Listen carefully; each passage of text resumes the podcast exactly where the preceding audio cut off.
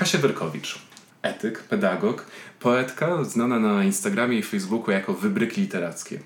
Zaprosiłem Cię, żebyś opowiadała nam troszeczkę o swoim życiu artystycznym i życiu zawodowym, właśnie jako nauczyciela, jako kogoś, kto ma tą, to trudne zadanie y, uczyć etyki najmłodszego pokolenia. No nie jest to łatwe zadanie, przyznaję. Ja pamiętam, że w moim y, gimnazjum, w gimnazjum byłem chrześcijańskim, więc nie było mowy o czymś takim, żeby zrezygnować z religii na rzecz etyki, ale w liceum w ogóle nie sformowała się grupa etyczna. Tak mało osób zrezygnowało z religii, że nie opłacało im się dla dwóch czy trzech osób e, tworzyć takich zajęć. Jak to dzisiaj wygląda? E, To powiem tak, moim zdaniem w ogóle nie powinno się stawiać tego w alternatywie, Mhm. że albo religia, albo etyka. Religia jest dla dzieci, które chcą rzeczywiście na nią uczęszczać, ale etyka jest dla wszystkich. Mhm. I tak też docelowo w mojej szkole ma być, że etyka jest dla wszystkich dzieci. Ciężko to czasami ustawić z racji planu, teraz mamy to albo to, ale to nie jest. Nie jest to alternatywa, E, tak? Tak, nie jest to alternatywa, y, ponieważ etyczne kwestie dotyczą wszystkich. Y, I też część osób nie pyta, czy na etyce mówię o innych religiach. Nie, Mhm. my w podstawie programowej są takie zagadnienia jak szczęście, jak patriotyzm, jak rozumienie uczuć i emocji, czym jest dobro wspólne, więc Mhm. to są tematy bardzo takie bliskie życiu i uniwersalne. Nie pamiętam, który to z filozofów powiedział, że najpierw była religia, a potem pojawiła się filozofia. Czy też tak uważasz, że jakby religia jest tym takim rozumieniem powiedzmy pierwotnym, czy takim bardzo wstecznym, pierwszopoziomowym, a potem przychodzi ta nakładka, która jest filozoficzną, etycznym podejściem do życia? To ja jeszcze inaczej bym chyba, chyba ugryzła temat, tak bardzo starożytnie, yy, bo w pewnym stopniu każdy z nas jest filozofem. Każdy z Mhm. nas, kto chce poznać lepiej siebie i stawia pytania, więc to jest kwestia racjonalnego myślenia, więc Mhm. pierwsze jest racjonalne myślenie. A dopiero potem ta niemożliwa warstwa religii. Czy niemożliwa? Nie No, wiem. No. tak- tak znaczy chyba- filozofii mhm. wie, wielu filozofów y, zadaje pytanie o absolut. Czy Mhm. jest coś ponad człowiekiem? Jakby to też jest fundamentalne pytanie. Czyli filozofia religii jako po prostu kolejna dyscyplina, interdyscyplinarne No tak, podejście. tak, tak. E, No. super, a może tak zejdźmy trochę na ziemię i spytam Ciebie o Twoje najciekawsze doświadczenie, czy może zabawne doświadczenia wynikające z nauki tego e, przedmiotu. Tak. Y, Ja idąc y, uczyć dzieci w szkole zadałam sobie podstawowe pytania, jakby co ja chcę im dać i po co ja tam jestem, jaka jest moja rola. Y, Bo oczywiście no, chcemy przekazać jakąś wiedzę, to jest oczywiste, ale dużo do myślenia dała mi sytuacja, rozmowa, którą miałam z, z wykładowcą i mówiliśmy o nauczycielach, których szanujemy i których lubimy i wspominamy. No i on zadał pytanie, za co, za co ich szanujesz? Co takiego w nich było? No ja sobie uświadomiłam, że nie wiem, super prowadzili lekcje w, w ciekawy sposób, byli uczciwi, sprawiedliwi, potrafili z nami nawiązać relacje, ale w żadnym przypadku nie powiedziałam, że cenię tę kobietę, tego nauczyciela za wiedzę, którą mi Mm. przekazał. W żadnym przypadku. Jakby pamiętam nauczycieli za to, jakimi e, byli ludźmi, jak nas traktowali. Mm. Ja zrozumiałam, że teraz idąc do szkoły, tak naprawdę jasne, ważne jest to, co ja przekażę tym dzieciom, tę wiedzę, ale jeszcze ważniejsze jest to, jaką osobą ja będę dla nich i jak oni będą się czuć na moich lekcjach. Mm. W sumie dobrze, dobrze, że o tym mówisz, bo najnowsze badania wskazują, że nie tyle ważny jest przekaz, co sposób, w jaki ten przekaz e, sprzedajemy, więc mm, no może też smutna konkluzja na temat e, ludzkości, że bardziej interesuje to właśnie, jak coś jest przedstawione, niż e, sam komunikat. Natomiast ja też pamiętam na przykład doktora Chowańca, pozdrawiam serdecznie, który no raz, że miał już ten autorytet na starcie, był doktorem przeciwieństwie, gdzie większość naszych pedagogów była magistrami. E, Doktor Chowaniec miał takie bardzo ciepłe, miłe do nas podejście i bardzo chętnie grał na naszych emocjach, co teraz bym nazwał manipulacją, a wtedy działało, czyli na przykład kiedy ktoś rozmawiał w trakcie lekcji, on pytał, czy na pewno chcesz rozmawiać? E, I, I jakby wprowadzał takie poczucie winy, że rzeczywiście on tutaj się produkuje, on mówi, on coś robi, a mm, nam było głupio, że mu przeszkadzamy, więc, więc y, z automatu wymuszał na nas spory szacunek. Super. I to on był biologiem. Co ciekawe, z Wow. biologii miałem 4, ale niewiele pamiętam. Ja też widzę jedną rzecz, że jeśli my jesteśmy w stanie przekazać dzieciom treści filozoficzne, to dużo łatwiej potem dotrzeć do studentów i do mm. dorosłych. Uważam, że to jest poligon wejścia w mm. ogóle w dydaktykę. Y, no bo jeśli ja nie poprowadzę dobrze lekcji w taki prosty, zrozumiały sposób, nie zainteresuję tych dzieciaków, to oni po prostu zrobią Saigon totalny mm. na tej lekcji. A jeśli będę przynudzać na sali wykładowej, to po prostu studenci wyciągną smartfony i będą siedzieć y, i szperać w internecie. No, oczywiście, tak. Kazimierz Ajdukiewicz sporo pisał o propedeutyce i o tym, jak powinno wyglądać właśnie to wczesne nauczanie filozofii. No ja uważam, że troszkę czasy się też zmieniły i trzeba dostosowywać język i może jakieś tam metafory, czy, czy, czy... No bo właśnie filozofia jest takim przedmiotem, który bardzo dobrze się uczy anegdotycznie, prawda? Przedstawiając jakieś tutaj tak. sytuacje. E, profesor Hołówko tutaj właśnie w tym świetnym, bo pamiętam, że zawsze miał i historie wyjęte z życiorysów e, filozofów i różnego rodzaju anegdoty, które e, przedstawione zakotwiczały mi w pamięci przekazaną wtedy wiedzę. Więc wracając do anegdoty, która oczywiście kojarzy się z jakimś tam śmiechem i, i, i lżejszym potraktowaniem, ja wracałem do realnej wiedzy przekazanej tak, wtedy. Tak. Ja dlatego tak bardzo lubię etykę, mm -hmm. ponieważ uważam, że ona jest tak bardzo praktyczna i my w codziennym życiu dotykamy tych mm -hmm. kwestii etycznych.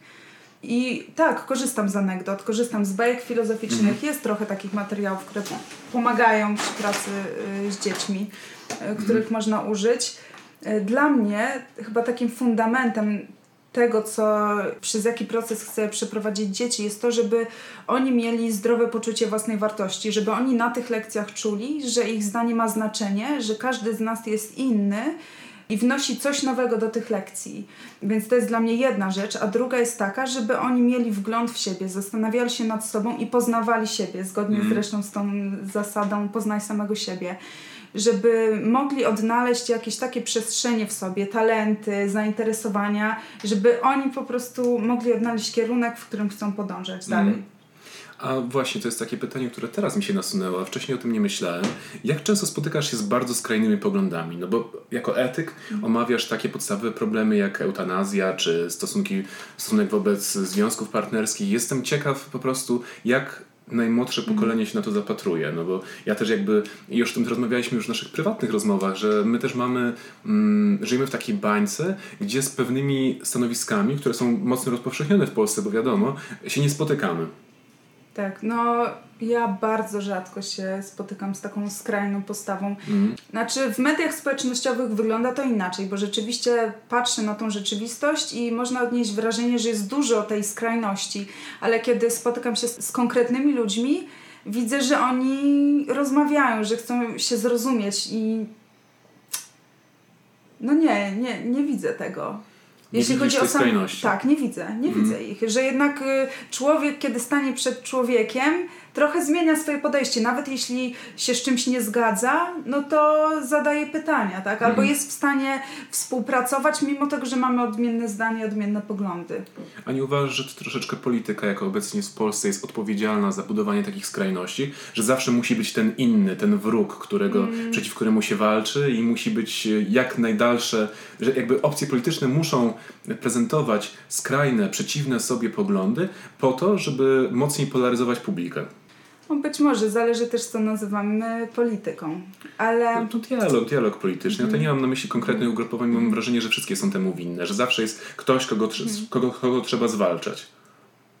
Ja się trzymam tego z daleka, więc okay. naprawdę, jakby ja uważam, że więcej dobrego można zrobić yy, właśnie będąc z ludźmi, jako dydaktyk, jakby rozmawiając i próbując nauczyć kogoś takiego myślenia, które pozwoli nam zrozumieć mm. inne stanowisko. Czyli tak, a jątrzenie i kto jest za, kto jest przeciw. Mm. Nie, moim zdaniem to nie ma sensu. Mm. Jakby określanie punktu końcowego, że ja mam takie poglądy, ty takie, ponieważ jakby, no co, mamy inne zdanie i na tym się kończy dyskusja. Mm. Pytanie, dlaczego mamy takie zdanie? I... Znaczy ja się w pełni z tobą no. zgadzam, tylko raczej zastanawiam się, co jest genezą takiej no. sytuacji, no. gdzie mamy bardzo mocno spolaryzowane społeczeństwo, no bo jednak tak, tak się dzieje.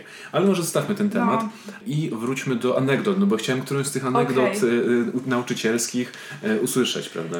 No są anegdoty, jest nie jedna. Ja nawet je zaczęłam spisywać mm. jakiś czas temu, bo... Czy to materiał na nową książkę? być może, być może, bo ja z każdym tygodniem zastanawiam się, czym dzisiaj oni mnie zaskoczą. To jest prawda, co mówili czasami moi nauczyciele, że jak się uczy dzieci, to nie tylko się uczy dzieci, tylko człowiek sam się czegoś uczy mm. i mhm. dowiaduje o samym sobie. Albo czegoś się dowiaduje od dzieci. Mm. Więc ja rzeczywiście sporo mam takich sytuacji i dużo wniosków wyciągnęłam z mm. tej mojej praktyki, czy pierwszych lekcji, jakie prowadziłam. Widzę jedną rzecz, że często dzieci próbują sprawdzić, gdzie my mamy granice, gdzie im mhm. powiemy nie. ja wiem, jak to jest bardzo ważne, ponieważ jeśli my stawiamy dzieciom granice, wtedy one znają jasne reguły, które funkcjonują w klasie mm. i które też gdzieś tam funkcjonują potem w życiu. I najgorszą opcją jest, kiedy my zupełnie nie pokazujemy tych granic i dziecko wtedy będzie szło krok dalej, żeby po prostu odbić się od ściany i wiedzieć jakby gdzie jest koniec. Mm. E, bo ja widzę tutaj takie dwie płaszczyzny pracy, że z jednej strony jest bardzo ważna relacja z dzieckiem, okazanie właśnie tym dzieciom życzliwości, troski, a z drugiej strony pokazanie granic mm. i bycie konsekwentnym. Ponieważ jeśli mamy samą konsekwencję bez e, relacji, to wchodzimy już w jakiś proces tresury dzieci, a nie mm. wychowania. A w momencie, kiedy mamy samą troskę, życzliwość, no to rozpuszczamy te dzieci. A nie myślisz, że właśnie to o tej tresurze najczęściej się mówiło przy naszym dzieciństwie, że kiedy ty byłaś wychowywana, to mówiło się, że właśnie dziecko ma chodzić jak w zegarku, czy e, no przynajmniej ja pamiętam tak. takie jakieś sformułowania ze swojego dzieciństwa. No ja akurat jestem z rodziny wielodzietnej, mam mm. trójkę rodzeństwa. Jakby wszyscy mieli chodzić jak, jak w zegarku, to chyba rodzice nie mieliby nic innego do roboty. Mm. Więc ja miałam dużo wolności, mm. ale też miałam dużo relacji i dialogu, gdzie dzięki temu ten system wartości sama zaczynam rozumieć i przyjmować go.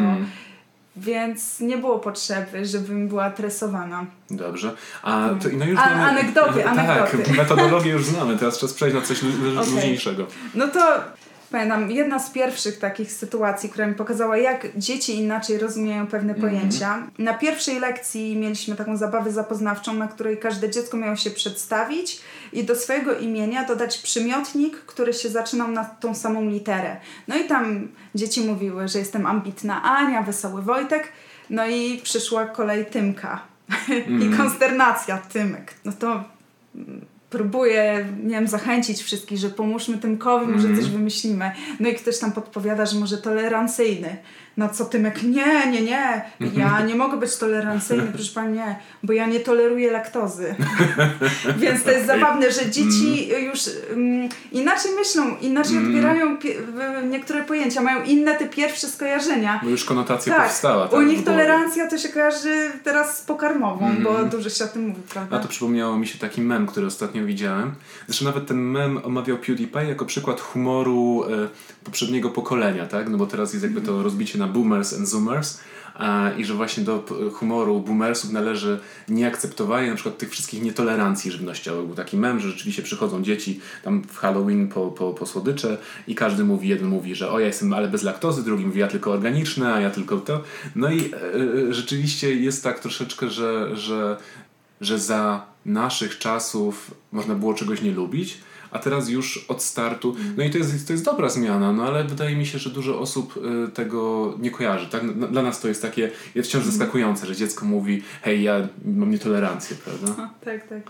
Y, druga historia to już taka grubsza, że no. tak powiem. A, to co widzę właśnie, jeśli chodzi o dzieci, że oni próbują przy, przekroczyć taką granicę y, dobrego smaku, granicę tabu i często śmieją się z takich rzeczy, które są dla nas dziwne. Mm. Nawet moi dydaktycy mnie ostrzegali, że dzieci w wieku 7-8 lat, dla nich wszystko, co jest związane z kupą, to jest śmieszne. Po prostu mm. jedno dziecko powie kupa i drugie ha, ha, ha, ha. czego ja zupełnie... Dla wielu mężczyzn no dziś tak samo to działa. A, okej. Okay. No cóż, smutne. No. no i ja nie rozumiem, nie wiem, jakiś kreatywny żart na tym mm. tle to okej, okay, ale u nich samo słowo. Ja tego totalnie nie potrafiłam zrozumieć, a teraz już to to rozumiem. To myślę, że to wynika z tego, że oni. Mm, to jest dla nich taka adrenalinka, że wiedzą, że tak nie wypada, mm. nie wolno i przełamują pewne tabu i to dla nich jest śmieszne. I też te, tego rodzaju sytuacje mnie zainspirowały do napisania wiersza na ten temat. Na temat kupy? Tak, tak, e, który zresztą przeczytałam e, im potem. I też oswoiliśmy ten temat, mm. bo ja się pytam, dlaczego się śmiejecie? Przecież to jest naturalne, to mm. dotyczy każdego z nas. I po tej rozmowie oni już przestali to robić, mm. bo to już nie było śmieszne, No tak. bo pani nauczycielka powiedziała Rozbroiłaś kupa, ten mit. no to tak, Mm. no to czyli, a okej, to jest słabe, ja, to już nie jest takie śmieszne jak ja to mówię. E, No tak, właśnie, No. no. można się buntować właśnie i wtedy jest, jest Tak, to jakiś rodzaj tak. żartu, a w tym momencie, w którym ty to jakby przejęłaś na własne terytorium, to przestało mieć Tak tą swoją wartość, no rozumiem. Wie, więc uważam, że trzeba takie wszystkie sytuacje przyjmować na spokojnie i też reagować, Mhm. zadawać pytania, chociaż no parę razy oni mnie zaskoczyli. No ale wracając do anegdoty, pamiętam Mhm. jak robiłam lekcję y, na temat trzech sit Sokratesa i Mhm. wagi słowa, które wypowiadamy. Możemy przypomnieć, że jest sito prawdy, tak? Czy coś przydatne, Tak, tak, pożyteczne, tak. Y, dobre, Tak, pożyteczne? że Sokrates uważa, Mhm. że powinno się mówić to, co jest y, pożyteczne, prawdziwe albo dobre. Albo Czyli dobre, te, tak. te trzy sita, tak. No i ja przyniosłam na te, te lekcje sitko, no Mhm. bo to jest dobrze mieć jakiś, nie wiem, atrybut, Mhm. coś, co... Tak jak ta anegdota zakotwicza, prawda? tak, tak, że wokół tego przedmiotu buduje całą narrację, całą Mhm. lekcję, y, że to też pomaga bardzo dzieciom. No Ja widzę, że oni dużo lepiej rozmawiają, kiedy y, dostają jakąś pracę manualną, Mhm. robimy origami, które jest związane z tematem lekcji i dyskutujemy wtedy. I Mhm. wtedy jest możliwa z nimi rozmowa. Ale jeśli my siedzimy po prostu i rozmawiamy, to jest, nie mogę oczekiwać tak Mhm. dużo koncentracji od nich, bo to są siedmiolatki i y, 40 minut skupienia, 45, Mhm. a tak naprawdę ja mam dwie jednostki z nimi lekcyjne, półtorej godziny, to jest niemożliwe. Więc jeśli oni wstają, biegają, rozmawiają, to jest dla mnie sygnał, że nie, o, przeszkadzają mi. Nie, nie, nie. To jest Mhm. dla mnie sygnał, że proszę pani, ja już nie mogę się skupić, ja potrzebuję czegoś innego. Mhm. Więc wstajemy, robimy zabawę ruchową, że ja muszę po prostu dać im Czy jesteś urozmaicenie. animatorem? Tak, tak, więc Mhm. muszę być czujna, jak oni reagują na to, y, co robimy, że czasami zmieniam plan lekcji, Mhm. bo widzę, że nie wiem, może jest inne ciśnienie, inna pogoda, ale naprawdę nie wiem, jak to się dzieje, ale są dni, że po prostu lekcja idzie super, a są dni, gdzie oni tu wariują, potrzebują więcej ruchu, no i ja muszę im to dać. Mhm. Muszę mieć jakieś takie zabawy awaryjne, które właśnie wykorzystam w takich momentach. No tak, żeby rozbroić to napięcie. Tak. I przyniosłam to sitko i opowiadam im całą historię właśnie o y, Sokratesie, że przychodzi do niego uczeń i mówi Sokratesie, nie wiem czy słyszałeś, że nasz przyjaciel, no i tu Sokrates mu przerwał i się spytał właśnie, dobrze, dobrze, zanim mi to powiesz, chcę wiedzieć, czy to jest do, coś dobrego. No nie, wręcz przeciwnie. No ale czy to jest prawda? No w sumie nie wiem, bo słyszałem to od kogoś. No dobrze, to skoro to nie, nie wiesz do końca, czy to jest prawdziwe i to nawet nie jest dobre, ale chcesz mi o tym powiedzieć, więc mam nadzieję, że chociaż to jest coś pożytecznego. Mm. Na co uczeń mówi, no nie. No i Sokrates wtedy radzi, że jeśli to nie jest ani dobre, ani prawdziwe, ani pożyteczne, w takim razie lepiej o tym nie mówić i że on nie chce o tym słyszeć i radzi jemu, żeby jak najszybciej o tym zapomniał. Mm. No i wzięłam to sito i powiedziałam, że dzisiaj my będziemy przysiewać słowa i każdy z nas ma okazję powiedzieć coś dobrego, prawdziwego i pożytecznego. Mm. No i tutaj te, to sitko zostało puszczone y, tak w ruch. Fa- to było fajne, bo dzieci mówiły jak do mikrofonu, Mm. do tego sitka. No i jed, jeden chłopiec tam powiedział, że on bardzo lubi grać w piłkę. No dobra, okej. Drugi powiedział, że bardzo lubi lekcje etyki. E, A trzeci wziął sitko i powiedział chuj. I patrzy na mnie. Ja szok. No co? Nie przysiało. Nie jego wina, prawda?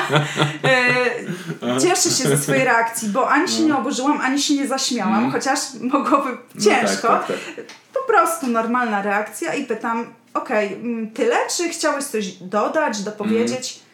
Nie, nie, tyle, tyle. Mm, W porządku. no. Dobre, prawdziwe, pożyteczne. Idziemy dalej. E, najlepsze było to, że chyba reszta dzieci nie zrozumiała tego słowa, więc on nie miał tej reakcji. A, czy chciał Więc też nie zrobił- przodu tak, nie tak. mu się E, tutaj... I na tym się skończyło, jakby Mm. już więcej nie próbował i, i nie było takich zagrywek. Więc widzę, jak to jest bardzo ważne, jak my po prostu zareagujemy jako No nauczyciele. w ja chyba jako sytuacjach. pedagog bym go zbeształ za użycie wulgaryzmu, no bo jednak Mhm. u, u nas na lekcjach i to na każdym jakby etapie mojej edukacji, no takie słowo było no takim Tak, tak. mocnym y, biletem do dyrektora. Znaczy, y, ja dokończyłam ćwiczenie, Mhm. jakby to y, na tamten moment nie było poruszane, ale jak skończyliśmy to zadanie, bo niektóre dzieci nie wiedziały, co to znaczy Mhm. Tak, i, tak, tak. i pytały, co to jest. No to jakby Łukasz wytłumaczył i ja ją znam, no to teraz już wiecie, Mhm. co nie, co to znaczy, Y, ale że to jest y, słowo, które jest wulgarne i nie używa mm. się go, że to może być źle odebrane, jeśli będą mm. tak mówić gdzieś w rozmowie z innymi ludźmi. Tak.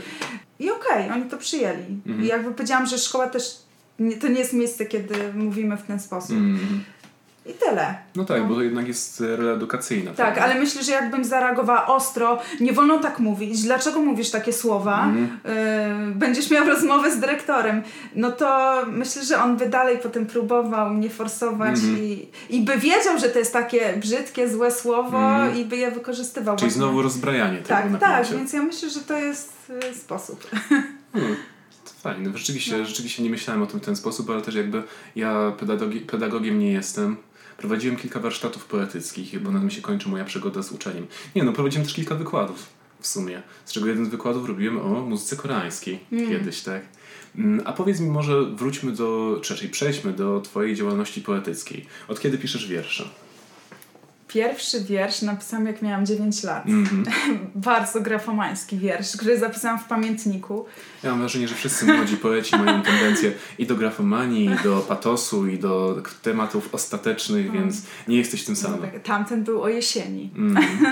Jesieniara. Ja też nie wiem, kto mnie do tego zachęcił, ale od chyba drugiej, trzeciej klasy szkoły podstawowej pisałam pamiętnik. Mm więc te pojedyncze wiersze, które na przestrzeni tych lat pisałam, one były właśnie w pamiętniku, czy w jakichś moich sekretnych zeszycikach w szufladzie schowane. I wszystko zmieniło się mniej więcej rok temu w wakacje mm, kiedy jeden z moich pacjentów. Mm, bo trzeba tutaj zaznaczyć, że masz jeszcze drugą pracę jako fizjoterapeuta. Tak. Poeta, pacjent, mm. który był poetą, właśnie miał kontuzję łokcia. No i u nas w tym zawodzie y, jest dużo przestrzeni na rozmowę mm. z mhm. pacjentem. No, na początku się rozmawia na kwestie zawodowe, a potem wchodzą inne tematy. No, że ten pan był poetą, zaczęliśmy rozmawiać o poezji. I tak wyczuł coś we mnie, jakiś taki głód humanistyczny y, i się spytał, czy pisze wiersze. No i to był moment, kiedy ja poczułam, że mogę się przełamać i wyciągnąć te wiersze z szuflady i, i po prostu mu je pokazać. No i on zachęcił mnie do pisania. Wtedy też zaczęłam tak naprawdę czytać poezję, bo miałam tylko mm. styczność z poezją w szkole. I co ciekawe, czułam się zachęcona, żeby sięgnąć po, tym, mm, po te wiersze w domu, ale wiadomo, mm. jak się wraca do domu, jest dużo więcej lepszych rzeczy do roboty. No jasne. No, też czytanie poezji, nie oszukujmy się, wymaga pewnego skupienia, tak. pewnego nastroju. No, ja jakby sobie nie wyobrażam już życia bez poezji tak mm. na co mm. dzień, ale wiem, że dla wielu osób jest to jakiś tam dosyć spore koszt wejścia. Tak, tak. No ja, ja też byłam dzieckiem, które latało między szkołą muzyczną, harcerstwem, mm. jakimiś zajęciami dodatkowymi no tak, więc mm. nie było takiej przestrzeni. E, aczkolwiek dużo poezji śpiewanej moi, moi rodzice e, słuchali, więc gdzieś no była ta e, Ktoś poezja. ci zapadł w pamięć? E, Grzegorz Turnał. O, Turnał bardzo chyba lubię. tak, mhm. no uwielbiam. No i też... E, Chociaż teraz, nie wiem czy zauważyła jeszcze wśród tych nowej fali poetów, czy tych najmłodszych poetów, mm. czy może poetów tych, którzy teraz e, chętnie publikują i Turnał i mm, Grechuta są mm. trochę wyklęci, są uważani za takie właśnie stare, e, na taki relikt przeszłości tej poezji złej, tej poezji takiej bardzo sztampowej, z, e, przewidywalnej, mhm. banalnej. Nawet się mówi o grechuciarstwie. Hmm.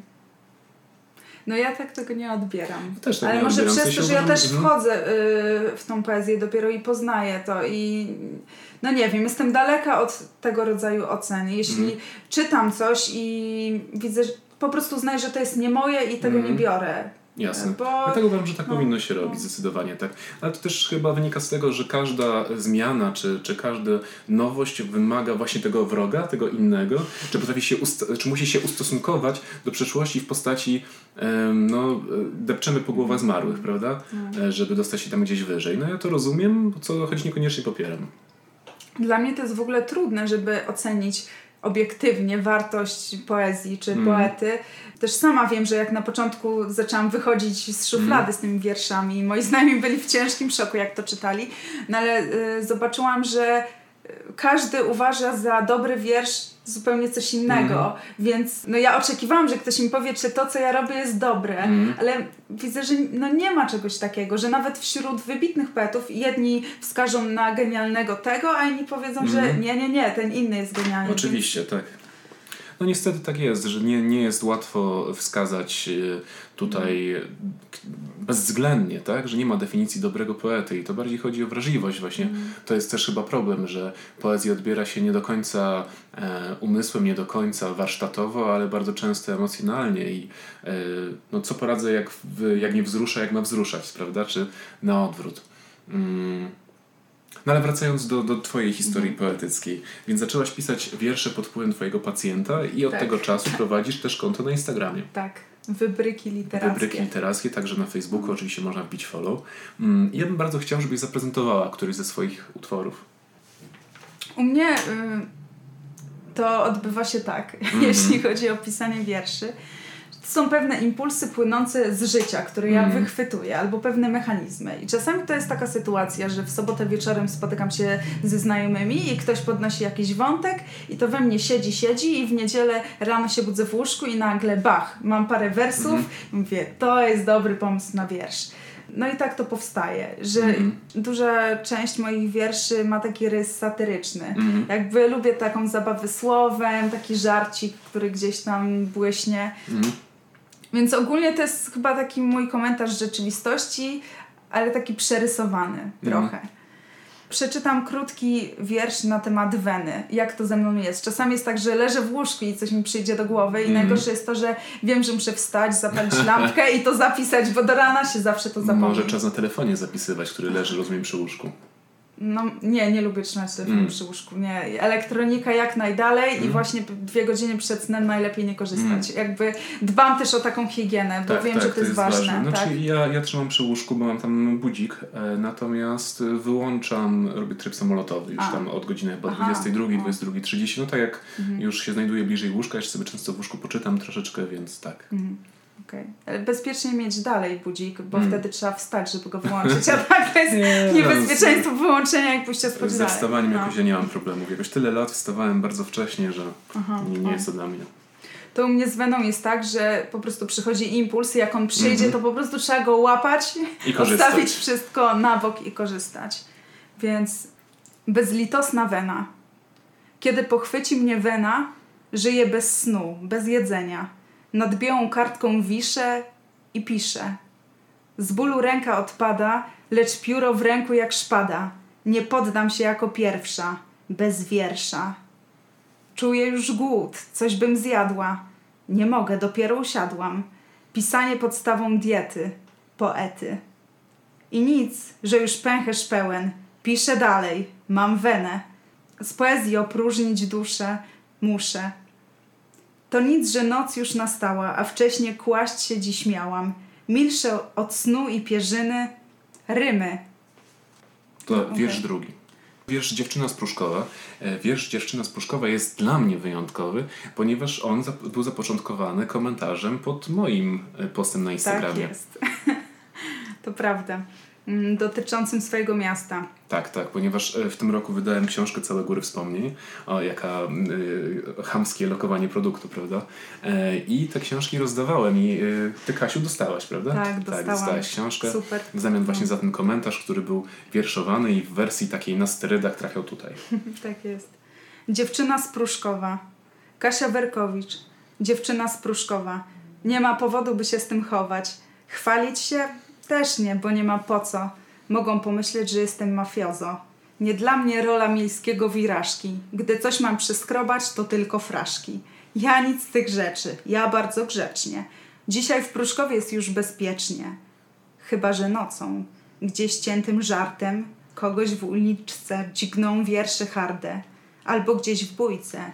Rym, lecz twarzowy. Strzeli z impetem jak prawy sierpowy – Tutaj nie lecą już cegły, sztachety, wersy najwyżej i epitety. Masa i słowik, niechaj się schowa. Ja teraz będę twarzą pruszkowa. Teraz haracze, napady, tortury, tylko z ręki literatury. Bardzo mi się podoba i właśnie mi się wydaje, że masz taki przyjemny, yy, mocno puentowany język, który bardzo dobrze by się sprawdził w na przykład literaturze dziecięcej. Nigdy mm. cię nie mhm. kusiło napisanie jakiejś bajki, na przykład takiej ze smrodem dydaktycznym? No być może. No, myślę, że bajka y, ze smrodem y, dydaktycznym to jest właśnie mój wiersz pod tytułem Kupa śmiechu. to poproszę kupę śmiechu. Kupa. Kupa brązowa Co dzieci chcecie od tego słowa? Dlaczego dla was, czy mi powiecie, to najśmieszniejsze słowo na świecie? Skąd te dowcipne upodobanie? Tyle jest lepszych, panowie, panie, bardziej ambitnych, odkrywczych treści, niż te, które grube jelito pomieści. Niż w kółko wasze sedes, łazienka, czy was biegunka po nocach nęka? Jak to się stało, że kwestie klozetu są dla was przyczyną na ustach uśmiechu? Bo kupa przecież to nic nowego, trywialna sprawa dnia codziennego. Gdzie do wucetu, a kiedyś do kniejów, każdy, bez wyjątku, od zarania dziejów, chodził i co dzień był na to gotowy, pomnikiem tym zwieńczyć swój szlak pokarmowy. A kupa w majtkach to są dramaty, konieczne wsparcie od mamy lub taty. I ani to grzeczne, ani moralne poruszać na forum tematy fekalne. No, jakie ładne. nie, no rzeczywiście uważam, że gdybyś napisała tego więcej, przygotowała taką, mm. taką rzecz, jeszcze może bogato ilustrowaną. Może, tak, mm. myślę o tym. To, tak, to, to, to rzeczywiście by bardzo fajnie no, śmigało. No. Ale też mam poważne wiersze, nie mam wszystkich satyrycznych. Aczkolwiek łatwiej się dzielić satyrą, bo to jest takie mm. niezobowiązujące. Tak, tak, zawsze można to obrócić w żart, prawda? Tak, tak. A wiersze poważne, no tak, ja też zawsze mam, jeśli, jeśli nie mam tego ostrza mm. ironii gdzieś, jeśli nie ma tam czegoś takiego wyśmianego, to zawsze mam taki w sobie strach, czy ten wiersz nie zostanie, czy nie wpadnie on w taki yy, przepompowaną zadowolenie z siebie, takie przepompowaną powagę. Też piszę wiersze białe, mm. aczkolwiek na Instagramie jest głównie satyra, ale może odważę się w, koń w końcu na to, żeby pokazać też coś innego. A chcesz jakieś białe zaprezentować? No, właśnie Lot czternastokaratowego złota. Ponad bielą obrusów, porcelanowych zastaw, fuzją cytrusów nasyconych kolorami lata, w powietrzu pachnącym potem, mięsem i wódką. Przylatuje zgrabnie nad kopkami tataru z cebulką, półmiskami wędlin i przystawek skrzętnie poukładanych na talerzykach. Mija wino w wiaderku, które przyjemnie się chłodzi, przecinając powietrze ostrą parabolą. Nawet szklane oczko dorodnej pieczeni zdaje się przesuwać śledząc sytuację z rozdziawionym ryjem na szerokość jabłka. Wzroku gości nie omija. Niestety. Choćby nawet chciało i to szerokim łukiem.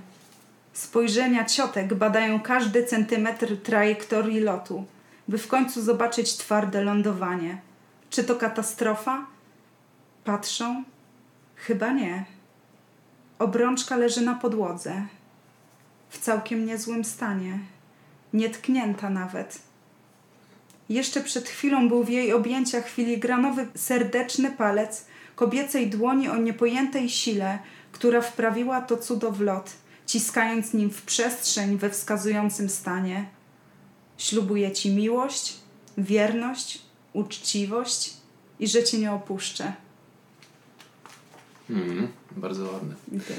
Może teraz odejdźmy od, od no. czytania, a no. chciałbym Cię zapytać, co Ty czytasz? Co ostatnio czytałaś? I to nie chodzi mi tylko o, o wiersze, mhm. ale o y, prozę, może też jakie no. magazyny. Co Ciebie interesuje? Nad czym spędzasz najwięcej czasu? Czy w ogóle masz czas no. na, na, czytanie? Bo to jest też y, takie pytanie Różnie. dosyć... Mm. Są momenty, że nie mam na to czasu, a są takie, że mam.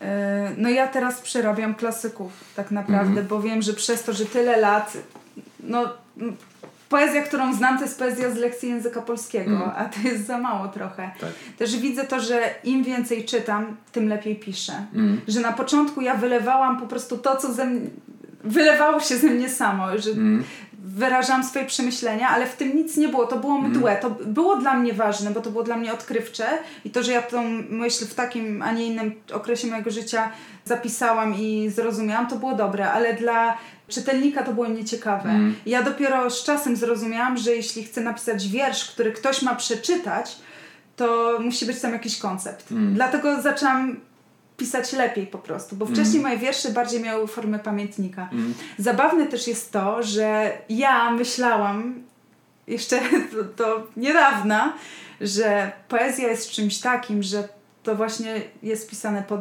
słowo pisane pod natchnieniem, że to się ze mnie mm. wylewa, ja to zapisuję i to już zostaje. Ja nie mogę tam zmienić ani litery, bo to by było fałszerstwem, oszustwem. Nie mogę w to ingerować, bo to już zostało napisane, tak, wypłynęło tak, tak, tak. ze mnie i koniec. No i właśnie w rozmowach z panem Tadeuszem on się bardzo dziwił, że miałam takie myślenie, bo ja myślałam, że ja nie mogę nic zmienić w mm. tym, co napisałam. Mówi, że przecież utwory Był nawet... święty dyktował. Te, utwory muzyczne, przecież mm. kompozytorzy je dopracowują. Tak, I ja tak, myślę, tak. no tak, no tak. I bardzo wielu poetów mm. wydawało swoje wiersze poprawione. Ja sam mm. myślę o tym, żeby gdzieś za dwa lata przygotować wszystkie tomiki zawarte w jedną, jedną mm. książkę i nazwać je właśnie dzieła zebrane i poprawione tak, żeby y, wyrzucić te wiersze, które mi się nie podobają, bo strasznie dużo tych rzeczy, które napisałem kiedyś mi się teraz nie podoba. Ja rozumiem, że to jest Aha. naturalna jakby konsekwencja wzrastania jako twórcy, ale no mm. łapie mnie ten przysłowiowy cringe, kiedy, kiedy spoglądam na niektóre starsze swoje mm. teksty. Mm. Zastanawiam się, czy mam jakiegoś takiego ulubionego poetę. Szymborska bardzo do mnie trafia, mm. bo mhm. mam tak, że czytam tomiki i zaznaczę kilka wierszy, które mnie poruszą, a w przypadku mm. Szymborskiej to jest prawie każdy mm. wiersz. Szymborska miała tą unikatową zdolność łączenia języka prostego i takiego, który przemawia do wszystkich, z bardzo niebanalnymi obserwacjami. Tak. Więc, więc to jest właśnie niski poziom tutaj jest mm. wejścia w tą poezję. Nie trzeba długo się nad nią zastanawiać, a y, też znajduje się dużo w niej waloru.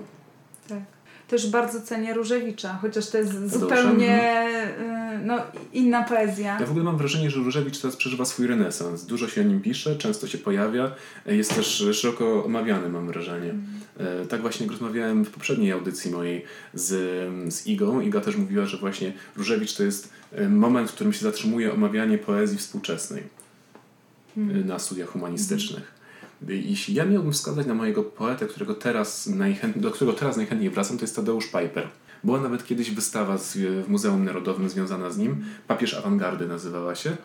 Natomiast właśnie do tej poezji warto, warto sięgnąć, bo jest bardzo nieoczywista i wyprzedzająca swój czas. Aczkolwiek nigdy nie doczekał się takiego e, może uznania systemowego, nie trafił do podręczników, ale no, uważam, że absolutnie warto, warto do niego sięgnąć. To ja z takich małych odkryć dostałam od żony mojego brata tomik Christiana Morgensterna i te wiersze jego są niesamowite i on też mm. wyprzedzał swoją epokę, bo są mm. bardzo współczesne, łącznie z wierszem Nocny śpiew ryb, który mm. składa się tylko ze znaków graficznych, które układają się w mm. taką rybią łuskę. O, pięknie. Więc to są takie kompaktowe, krótkie wiersze, które opisują... Tak zwana poezja konkretna, tak nazywam. Mhm. Mm. Więc to jest dla mnie niesamowite, że on opisuje sytuację, gdzie y, kura idzie peronem mm. i pokazuje, y, jak duża jest przychylność ludzi, którzy stoją na tym peronie patrząc na nią mm. i że jest taka, pokazuje tą sytuację jako taką bardzo groteskową i też przedstawia jakieś mechanizmy, jakieś mm. tak, takie ludzkie uczucia i to jest dla mnie genialne. Właśnie, ja uważam, że jednym z takich podstawowych narzędzi poety jest podsłuchiwanie i podpatrywanie. Mm. E, czyli jak się coś zaobserwuje, się coś usłyszy, to cała fraza, na przykład ukradziona z rozmowy codziennej, tak, potrafi tak. tak pięknie funkcjonować e, w wierszu. No tylko to trzeba rzeczywiście umieć, trzeba to, temu czasu poświęcić trochę i trzeba e, tą umiejętność sobie pielęgnować. Tak, no czasem się śmiejemy, że mogłabym znajomych zaznaczać mm. w postach, chociaż nie wiem, czy to byłoby dobre, szybko mogłabym stracić znajomych. Natomiast wiadomo, że też często poezja ma formę jakąś tam y, terapeutyczną, więc jeśli masz jakiś problem, jeśli masz jakąś kwestię nierozwiązaną, to, to można poezji dużo tego znaleźć, można dużo rzeczy rozwiązać, można dużo rzeczy przepracować. I wydaje mi się, że jeśli na przykład gdzieś poruszasz kwestie ze znajomymi, to często też może to wynikać z tego, że jest coś tam do przepracowania, jest tam coś takiego, co mm, tobie może pomóc rozwiązać nierozwiązywalną sytuację. No, czasami też się zdarza pisać paszkwile, paszkwile prawda? Tak. Też bywa tak, no. Ale raczej to są takie sytuacje, nie wiem, kiedy właśnie rozmawiałam z koleżanką, ona narzekała, że jutro niedziela, znowu straci cały dzień, że ma mm. tyle planów, nic nie zrobi. No i tak powstał syndrom niedzielnej depresji, mm. mam taki wiersz. Albo gdzieś w rozmowie właśnie bliska koleżanka się dzieliła tym, że była na kawie z jakimś chłopakiem mm. i że w ogóle było tak świetnie, że czuła takie porozumienie i że kurczę, może wreszcie to będzie to, ta mm. dobra, taka fajna relacja. No i śmiałyśmy się mm, z tego, że mamy takie tendencje, żeby się nakręcać, że już właśnie piszemy scenariusze takie w przyszłość. Mm. No ja też to przerysowałam i mm. to jest w wierszu Perpetuum mobile, mm. który jakby no, w taki przerysowany sposób oczywiście pokazuje y, kobiecą wyobraźnię. Mm. Czy kobiecą? Wydaje mi się, że dużo mężczyzn też tak ma, że jak już tylko wpadnie im kobieta w, w oko, to już widzą e, dalsze e, stopnie, że tak powiem, zaangażowania w tą znajomość. E, więc chyba to po prostu cecha ludzka, a nie kobieca. Dobrze, a proza? Co, co z prozy Cię interesuje? Jeszcze jakie produkty kultury mogłabyś polecić? Bo to jest coś, co mnie zawsze interesuje i o co będę zawsze pytał. Z prozy, coś co mnie chyba najbardziej poruszyło i to były pierwsze mm. książki, nad którymi byłam w stanie uronić łzę, mm. co było dla mnie szokiem, bo nie myślałam, że można płakać nad książką. Mm. E, no co mi się nie zdarza raczej, to był Dostojewski. No proszę. I, I nie ukrywam, że ta ale, czy, ale czytany w młodości, czy czytany teraz? Czytany po raz pierwszy w liceum, mm. Zbrodnia i kara. Tak. No i potem w ostatnich latach bracia Karamazow i no, no tak, bracia, Czechow, to... Bracia Karamazow siadają bardzo ostro. No, mm. no. Jestem też w ogóle fanem wielkim rosyjskiego science fiction. Nie wiem, czy kiedykolwiek czytałaś. Świetne jest. Ja uważam, że to jest jedna z najlepszych literatury mm, science fiction, jaka w ogóle powstała, mhm. przez to właśnie, że jest ten specyficzny humor i taka bardzo duża wrażliwość. E, no i na przykład jest cały, cały ten brand Stokier został zaporządkowany przez y, książkę Piknik na skraju drogi. Potem Andrzej Tarkowski nakręcił film właśnie mm. Stokier. Potem to spiralowało dalej i do dziś jest taka franczyza i książek, i gier komputerowych, i wszystko jest zainspirowane właśnie tym Stokierem, więc polecam. Polecam w ogóle braci Strugackich, którzy na przykład napisali Poniedziałek zaczyna się w sobotę, też świetną rzecz. No, naprawdę fajna, fajna, fajna literatura, która łączy ten przyjemny aspekt y, science fiction z tym typowo, um, typowo rosyjskim sznytem. A już nie mówiąc o tym, że Miss Małgorzata to była moja ulubiona Oj, z tak. lektur, mm. która tak mocno działała na moją wyobraźnię. No, ja dopiero przeczytałam tę książkę mm. trzy lata temu. Mm. I latami chodził ten tytuł mm. za mną i czułam takie, nawet miałam poczucie winy, że to są rzeczy, które powinno się znać, a ich nie znam, ale się cieszę, że czyta, e, czekałam tak długo z tą książką, ponieważ czytając Musiałaś ją... do niej dojrzeć. Tak, 10 lat temu inaczej bym ją odebrała mm. i w ogóle bym nie zrozumiała połowy rzeczy z niej, a tak naprawdę przeżyłam. Tak, to jest zdecydowanie jedna z moich no. ulubionych pozycji, a zdecydowanie najlepsza lektura. A lubiłaś czytać lektury? Lubiłaś to, co było ci zadane? Powiem tak, u mnie z czytaniem lektur był problem, Aha. bo ja po siedzeniu cały dzień w szkole po prostu wolałam iść na rolki, mm. musiałam ćwiczyć na skrzypcach mm. i po prostu har harcerstwo. Nawet nie wiedziałem, że grasz. Tak, no gram tak, mm. po szkole muzycznej jestem i nie rozstałam się z tym instrumentem, mm. bo to różnie z tym bywa, ale tak, tak. No ja na przykład pianino bardzo rzadko dotykam. Jakoś gitara ze mną została, której się sam nauczyłem, a pianino, którego mnie uczono, jakoś tak średnio. A to ciekawe, bo ja miałam pianino jako dodatkowy instrument, a łatwiej mi jest sięgnąć do pianina, bo mm. po prostu otwieram i gram, a skrzypce, no tak. zanim się to nastroi i w ogóle to no tak, ciężej tak, jest tak. mi. No więc y, rzeczywiście ja nie czytałam większości lektur, ale pierwsza lektura, która mnie poruszyła i była dla mnie ciekawa, to był Pinokio. Pinokio. Mhm. A kolejna to były syzyfowe prace. Mhm. Moja polonistka powiedziała nam z wcześniejszym terminem, żeby to czytać, bo to jest mm. tak straszna lektura. I to była chyba jedna z niewielu lektur, które przeczytam w całości mm. i które naprawdę mi się podobały. Nic nie pamiętam ciekawe. z Syzyfowych no. prac, to jest ciekawe, nic nie Więc... pamiętam. Pinokio pamiętam całą fabułę, a, mm. a, a Syzyfowych nie pamiętam. Pamiętam, że nie przeczytałem Chłopów na przykład, no. bo zacząłem no, czytać Chłopów w jednej, chyba czwartej. Stwierdziłem, że, że jakoś to mnie nudzi, no. męczy i w ogóle do widzenia. Mm. Ale tak to się starałem czytać. No nic, to jest zawsze ciekawy temat.